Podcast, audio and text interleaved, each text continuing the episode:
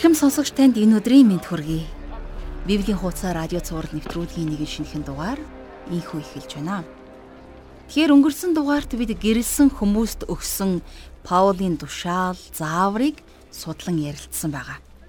Энэ бүлгийг Бурхны хаанчлалын төлөө гэрэл, Бурхны хаанчлалын төлөө бүү гэрэл гэсэн ганцхан өгүүлбэрээр тодорхойлож хэлж болох юм. Еврей номын 13 дугаар бүлгийн 4 дугаар ишлэлд бүгд гэрлэлтийг хүндэтгэхтэн орд ирэнч бузартаагүй байг. Учир нь янхан ирчүүдийг болон завхаарагчдыг бурхан шүүн гэж бичсэн байдаг. Тиймээс бид ганцхан амьдрах амьдрал гээд хүссэн бүхнээ хийгээд үйлдээд явж болохгүй юм. Харин нэг л удаа амьдрах болохоор үн цэнтэй амьдрч үр хүүхэд ач гучтаа сайн мөр үлдэхийг эрхэмлэх хэрэгтэй. Энэ дэлхий дээр хамгийн золгүй хүмүүс бол хэрэгтэй чухал зүйлсээ бус Харин хэрэггүй муу зүйлсийг үлдчихэд араас нь харамсан амьдардаг тийм л хүмүүс. Та ч гэсэн тэдний нэг байхыг хүсэхгүй л байгаа. Биднийг тэдний нэг байлгахгүй тулд Илч Паул гэртээ хідэн зууны өмнөөс санаа тавьж энэхүү цагтлаа бичиж үлдээсэн билээ. Тэрээр эр хүн бүр ихнэртэй, эм хүн бүр нөхөртэй байг гэж хэлсэн. Гэтэл дэлхий хизээж сүрлээ билээ дээ эхнэр авч нөхөрт гарах нь илүүц гэж үзэх хүн өнөөдөр манай нийгэмд цөөнгүй болж. Магадгүй энэ нь тэдэнд үнэн чим шиг санагдаж болох юм. Гэхдээ үнэндээ энэ нь садар самуунд уруу татах муу ёрийн сүнсний маш том урих занг болох боломжтой гэдгийг бас санах хэрэгтэй. Тэм учраас Паул энэ зүйлийг чухалд үзэлгүйгээр нөхөрт гарч ихнэр аваарай гэж зөвлөсөн байна. Түүний зөвлөгөө таны амьдралд өөрчлөлтийг авчрах болтугай. Ингээд өнөөдөр сурах үгийнхээ төлөө хамтдаа талархан залбирцгаая. Эрднийс шигтгэе шиг гэрэлтсэн үгээрээ биднийг хооллож, ам амьдралыг мань тэтгэн тэнхрүүлдэг бурхан аав минь таньда талархаж байна. Таныг бүх зүрх сэтгэлээрээ хайрлаж, үгийн тань дагуу амьдрдаг дуулууртай байхад та туслаарай. Эзэн минь, тэгэд энэ цагт та бидэнд ойлголт, мэдлгүүдийг, мэрэгэн ухааныг дүүргэж өгөөрэй. Та өөрийн үгээрээ дамжуулан биднийг шинчилж сэргээх болтугай. Гэрлэлт нь анх бурхан таны хүмүүс бидэнд бүтээж өгсөн тэрл ариун нандин бэлэг болон бидэнд ирсэн. Тимээ өсч үржиж өнөр өтгөн болох нь таны хүн төрлөختөнд өгсөн үүрэг билээ. Харин энэ ариун үүргийг гажуудуулж гэр бүлийн үн цэнийг унган доромжилж байгаа. Тэдгээр хүмүүс энэ дэлхий дээр өнөөдөр үе түмэн олон байна. Та тэдний садар самуу явдлыг үгээрээ таслан зогсоож тэнд ноёлсон харанхуйг та гэрлийнхээ хүчээр сүлбэх болтугай. Хичээлийн энэ цагийг нээсэн дуустал би таны моторт өргөж Есүс Христийн нэрээр залбирanгуйж байна. Амен. Ингээд хамтдаа жаргал агшин хичээлд анхаарлаа хандуулцгаая.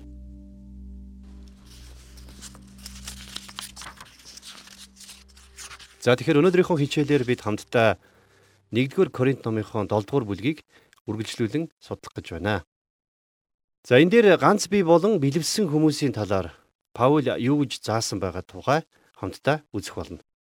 Ингээд 1-р Коринт номынхон 7-р бүлгийн 21-ээс 22-р ишлэлийг хамтдаа уншийе. Чи боол байхдаа дуудагдсан уу? Үүндээ бүү санаа зов. Чи чөлөөлөгдөх боломжтой бол түүнийг ашигла. Учир нь боол байхдаа эзэн дотор дуудагдсан нь эзний чөлөөлөгдсөн хүмүн. Үүнтэй адил чөлөөтэй байхдаа дуудагдсан нь Христийн боол мөн гэсэн байна. За Паулийн амьдарч байх үед бол боол бас чөлөөт хүн гэж байдаг байсан. Хэрвээ хин нэгэн хүн боол а эсвэл зарц байсан бол тэр хүн бурхан намайг эзнээс минь чөлөөлнө гэж бодоод чөлөөтэй болохыг оролддоггүй байсан юм. Өнөөдөр магадгүй олон гэрийн эзэгтэй нар Библийн агуу багш болох бодол санааг тээсээр явж байгаа. Тэд нар гэр бүлээ хүртэл үл хайхран энийг хийхээр улаарч байна. Gypsy Smith-ээс сүүлд нэг түүхийг сонссноо би өрдөөс мартдаггүй. Тэгэхээр Америкийн нэгдсэн улсын Техас мужийн Даллас хотод байхад нэгэн эмэгтэй Gypsy Smith дээр хурж ирээд "За би үйлчлэл дуудагдсан юм шиг надад санагдаад байна" гэж хэлсэн байна. Тэгэхээр тэр тэрнээс "Та гэрэлсэн үү?" гэж асуусан чинь эмэгтэй гэрэлсэн гэдгээ хэлсэн байна. "Хэдэн хүүхэдтэй вэ?" гэсэн чинь эмэгтэй "5 хүүхэдтэй" гэсэн байна. Тэгэхээр Gypsy Smith гэгч тэр хүн тэр эмэгтэйд ямар гайхалтай юм бэ? Бурхан танд аль хэдийнэ таны чуулганыг өгч гисэн байж штэ гэж хэлсэн гэдэг. За энэ бол гэрийн эзэгтэй хүний хувьд хамгийн гайхамшигтай үйлчлэл гэдгийг илэрхийлсэн хариулт байсан юм аа. За үргэлжлүүлээд 23 дугаар ишлэгийг уншийе. Та нарыг үнтэйгэр худалдан авсан юм. Хүмүүсийн боол бүү болгохтон гэсэн байна. Та бид нар бүгдээрээ Есүс Христийн цусаар аврагдсан. Тэм учраас одоо хин нэгэн хүний боол битгий болоорой гэсэн үг. За магадгүй энэ танд зөрчилтэй юм шиг сонсогдож болох юм. За би танд энийг нэгэн жишээгээр тайлбарлая л да. За нэгэн коктейл зардаг зөөгч эмэгтэй. Манай библийн хичээлийг радиогоор сонсоод сонссон хичээл нь тэрэнд үнэхээр гайхалтай сайхан санагдсан байна. Тэгээд надтай уулзаад коктейл зардаг зөөгч хийхэ болох нь зөв үү гэж асуусан. Яагаад үг гэхээр коктейлийн зөөгч хийх нь тиймч зөв зүйл мэд тэрэнд санагдахгүй болсон. За тийм учраас би тэр эмэгтэйд энэ бол таны гаргах шийдвэрээ. Энэ шийдвэрийг та өөрөө гаргаарай. Хэрвээ танд болох хэрэгтэй гэсэн бодол байгаа бол а хэрвээ та намайг хувьдаа юу гэж бодож байгаа талаар мэдмээр байгаа бол хийхэ болох боломжтой.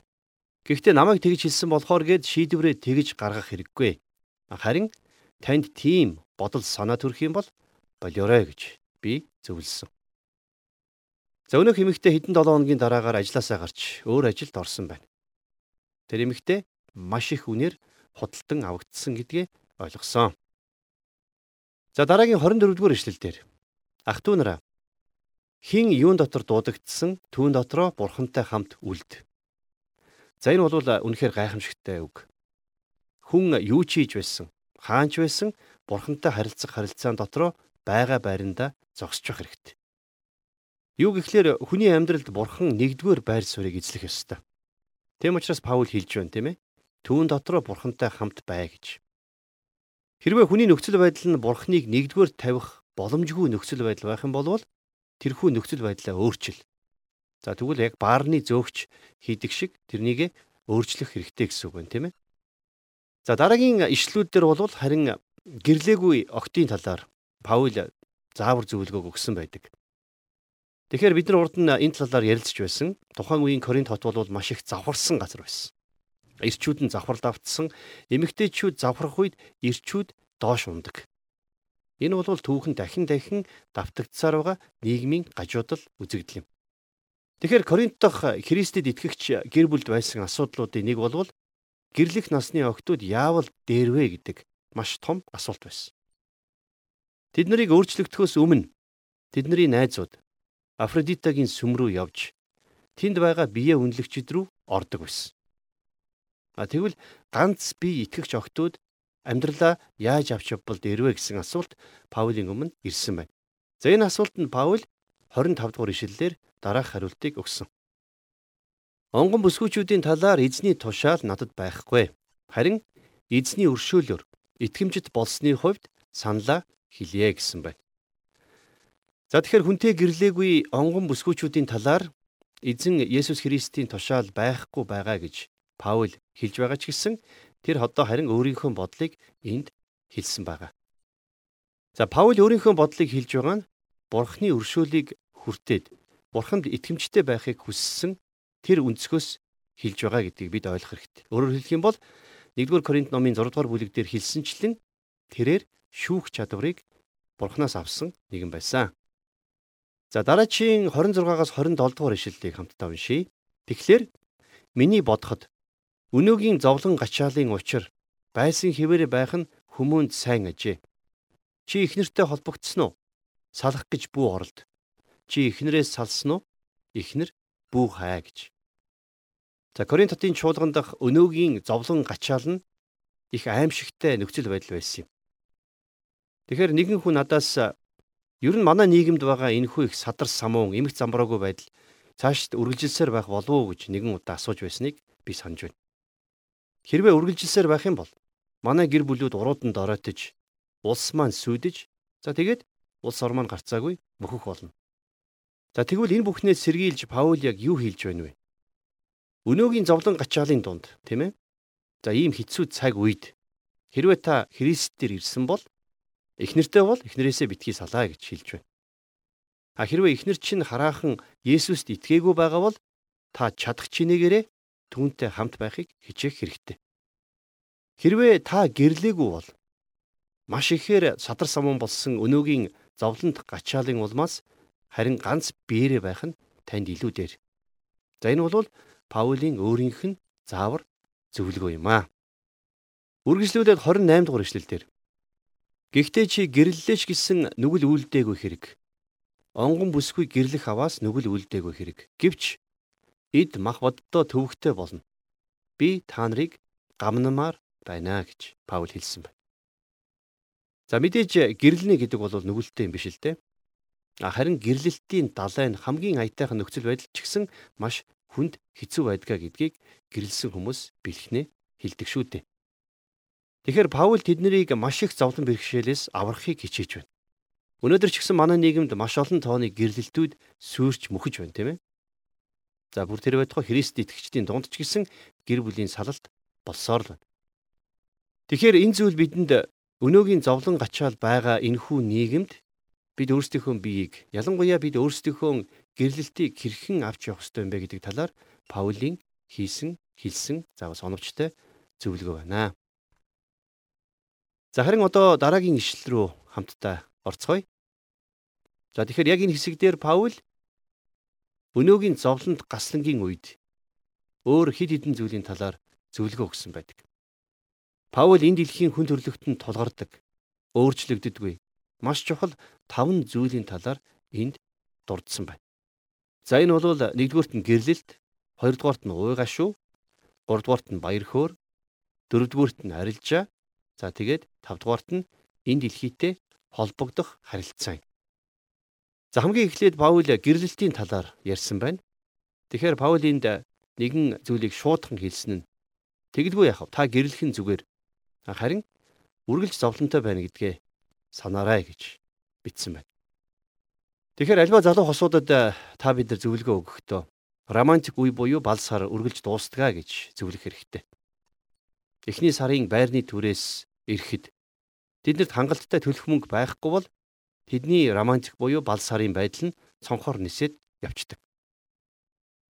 За харин 29 дугаар ишлэгийг үргэлжлүүлээд унших юм бол ах トゥ нараа үүнийг би та нарт хэлье. Цаг хугацаа охор богино болжээ. Цаашдаа их нэртэй нэхнэргүй мэд. За энд төр зогсъё. Цаг хугацааны дарамтнаас үл хамаарч тийм ээ. Бурхныг нэгдүгээр тавихын чухлыг Паул энд хэлсэн байна. Та гэрэлсэн ч гэсэн Бурхныг нэгдүгээр тавин гэрлээгүй юм шиг амьдрч чадах уу? Сонио асуулт байгаа биз? За тэгээд үргэлжлүүлээд 30 дугаар ишлэлдэр уйлж байгаа нь уйлаагүй мэд, баярлаж байгаа нь баярлаагүй мэд, худалдан авч байгаа нь өмчлөөгүй мэд. За их сонирхолтой харьцуултуудыг энд Паул гаргаж ирж байна. Уйлж байгаа нь уйлаагүй мэтэ гэж. Тэгэхээр бурханд үйлчилж байхдаа хэсэгхийн зуурын зовлон хэсэг гунигийг та амьдралдаа хүлээн зөвшөөрч чадах уу гэдэг асуулт гарч ирж байна тийм ээ. За цаашлах юм бол баярлаж байгаа нь баярлаагүй мэт гэснээрээ за олон хүний үйлддэг шиг та бурхантай харилцах харилцаанда баяр жаргалыг зөвшөөрөх үү гэж. Худалдан авч байгаа нь өмчлөөгүй мэд гэж хэлснээрээ өөрийнхөө хийж байгаа бизнестэй та бурхныг оруулах уу? Өнөөдөр олон хүмүүс өөрийнхөө эрхэлж байгаа бизнесээ бурхан болгосон байдаг нь харин үнэхээр харамсалтай болчиход байгаа. За тэгээд 31-р ишлэлээр Паул үргэлжлүүлээд хэлэхдээ энэ ертөнцийг ашиглаж байгаа нь бүрэн дүүрнээр ашиглаагүй мэт болох ёстой ажээ. Учир нь энэ ертөнцийн хэлбэр өнгөрөн одож байна гэж бичсэн байна. Тэгэхээр Христэд итгэснийхээ дараагаар та бид нар энэ дэлхийн хүмүүс биш болдог тий. А гэхдээ бид нар энэ дэлхий дээр амьдарч байгаа. А гэхдээ энэ нь бид нар юунд ч хүрэхгүй, юу ч амтлахгүй, юу ч шийдэхгүй байна гэсэн үг бол биш. Бид нар энэ дэлхийг хэрэглэх ёстой. Бид нар өнгөрсөн аяллаар явж байхдаа олон удаа замдаа зогсож, эргэн тойронд байгаа гайхамшигтай ой модод байгалийн сайхныг харж багтан баясдаг байсан. Тэгэхээр бид нэр тэр ойг ашиглаж тэр моддыг харан баяссан. Харин би нэг ч модны өмнө очиод тэр модонд мөргөж сөгдөөгүй. Тэгэхээр би нүгээрээ юу хэлэх гээд байна вэ гэхээр та бид нар бүгдээрээ энэ дэлхийн зүйлсийг хэрэглэх ёстой болохоос биш харин халдаж юм уу сүйтгэж эсвэл буруугаар ашиглах ёсгүй гэдгийг Паул хэлж байна. Дараагаар нь Паул хэлэхдээ энэ ертөнцийн хэлбэр өнгөрөн одож байна гэсэн байсан тийм ээ. За энэ бол энэ амьдралын зүйлс таны амьдралыг удирдах байна уу? А эсвэл Христ Есүс таны амьдралыг удирдах байна уу гэсэн хамгийн чухал асуултан дээр та биднийг эргүүлэн авчирч байна. За харин 32 дугаар ишлэлээс Паул эргээд гэрлэлтийн талаарх яриа руугаа ордог. Хамтдаа 32 дугаар ишлэлийг харъя. Гэвч та нарыг санаа зовлгүй байхыг би хүсдэг. Гэрлээгүй нь эзэнд яаж таалагдах вэ гэж эзний юмст санаа тавьдгаа гэсэн байна. За энд Паул хэдэн маш бодиттой сануулгыг өгч байна. За гэрлээгүй хүн хүүхдийн живхийг солих талаар эсвэл гэр бүлтэй хоол хүнс худалдан авах талаар санаа зовдгүй шүү дээ.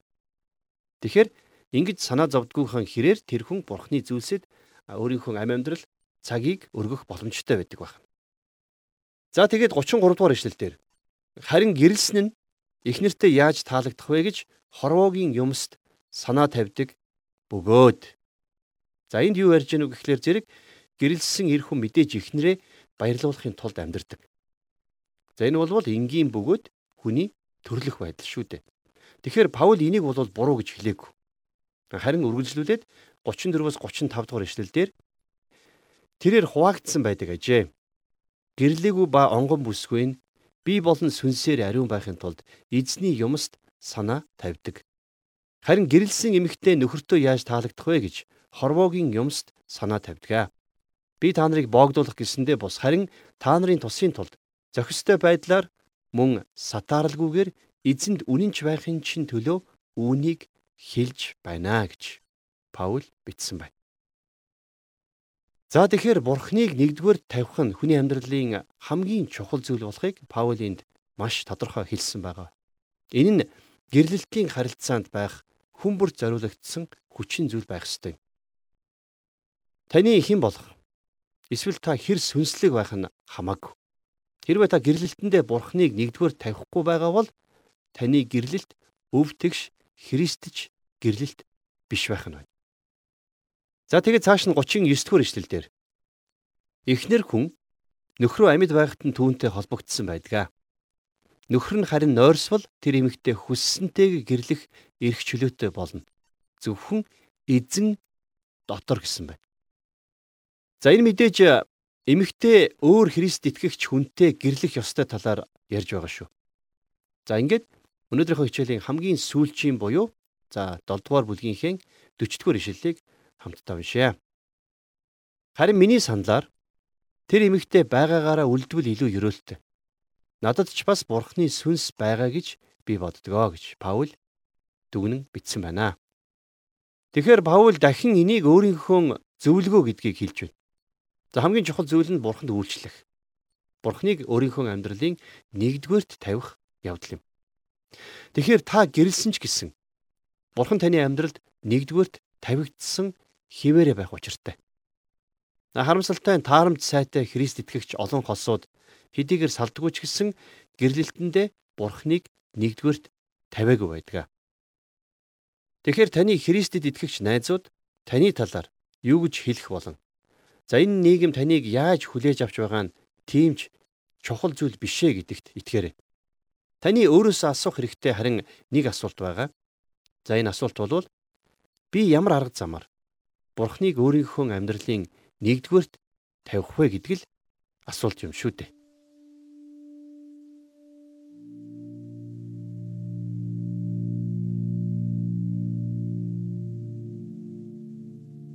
Тэгэхээр өнөөдрийн хичээлээр бид байгаа газартаа бурхныг алдаршуулах ёстой. Мөн бид боолчлол дотор байдаггүй, мөн юу ч хийсэн бурхныг нэгдүгээр байранд тавих талаар үзлээ. Та хичнээн гим нүгэлтэй хүн байлаа ч гэсэн Христийн цусаар хэдийнэ аврагдсан шинэ бүтээл. Тиймээс хин нэгний боол зарц шиг битгий амьдр. Харин бурханд онцгойгоор хайрлагдсан гэдгээ ухамсарлаж түүний төлөө яг энэ цаг мөчөөс эхэлж амьдрах хэрэгтэй гэдгийг жаргал агш маань ятгаж байсан шүү дээ. Энэ бол үнэхээр чухал үг. Та юу ч хийж байсан, хаанч байсан, бурхантай харилцах харилцаан дотроо л үргэлж үлдэх хэрэгтэй. Ялангуяа Христэд итгэдэг бидний хувьд бурхан маань бүхний тэргуунд байх ёстой. Паулын зааж зөвлөсөн амьдралын хичээл өнөөдөр маш олон хүнд урам зориг хүч тэнхээ өгсөн гэдэгт би итгэлтэй байна. Мэдээж гэр бүлийн амьдрал зохиож гэрлэх нь хиндэж ичгэвтэртэй зүйл биш. Харин жинхэнэ амьдрал өрнөх үед таны төсөөлж байсан тэр бүх зүйл өөрөөр иргэдэг гэдгийг ямагт хүлээн зөвшөөрч альва асуудал бэрхшээлийн өмнө чанга хатуу байх нь чухал. Илч Паул энийг л бидэнд сануулж зовлон бэрхшээлээс аврахыг хүсэн энхүү загтлаа бидэнд үлдээсэн байх нь. Бурхныг нэгдүгээр тавих нь хичнээн чухал болохыг бид өнөөдрийн хичээлээс суралцсан. Эцэст нь хэлэхэд та жаргал агшийн асуусан асуултанд заавал өөрөө өөртөө хариулт олоорой. Бид ямар арга замаар Бурхныг амьдралдаа нин тэргуунд тавих боломжтой вэ? Энэ асуултаар өнөөдрийн Библийн хуудас радио хичээл маань өндөрлөж байна. Би таныг асуулттай орхий. Харин энэ цаг мөчид хамтдаа эзний сүнсээр хөтлөгдөж залбиралд өөрсдийгөө зориулцгаая. Дээдийн дээд хаадын хаан болсон бидний эрхэм нандин бурхан минь. Энэ гайхамшигтэ цагийг бидэнд бэлгэлсэн таньда талархаж байна. Та бидэнд өөрийн гайхамшигтэ үгнээс үргэлж ойлгуулж, мэдүүлж, замчилж байдагт баярлалаа аваа. Бид байгаа талбар болгондоо эзэн бурхан таныг алдаршуулахыг хүсэж байна. Мөн бид юу ч хийсэн эзэн бурхан таныг нэгдүгээрс тавьж таныг өргөмжлөн дээдэлж байгаа бүхнээрээ таныг хүндэтгэж амьдрахад та аль бүхнээр бидэнд зааж сургаж өгөөрэй. Илч Паулийн бичиж үлдээсэн загтал хүний болгоны амьдралд биелэлээ олж таны сайн сайхан цаг тэнгэр зшгэ энэ газар дээр энэ дэлхий дээр тогтох болтугай. Бүхнийг таны хайртай хүүгийн нэрээр залбирanгуйж байна. Амен.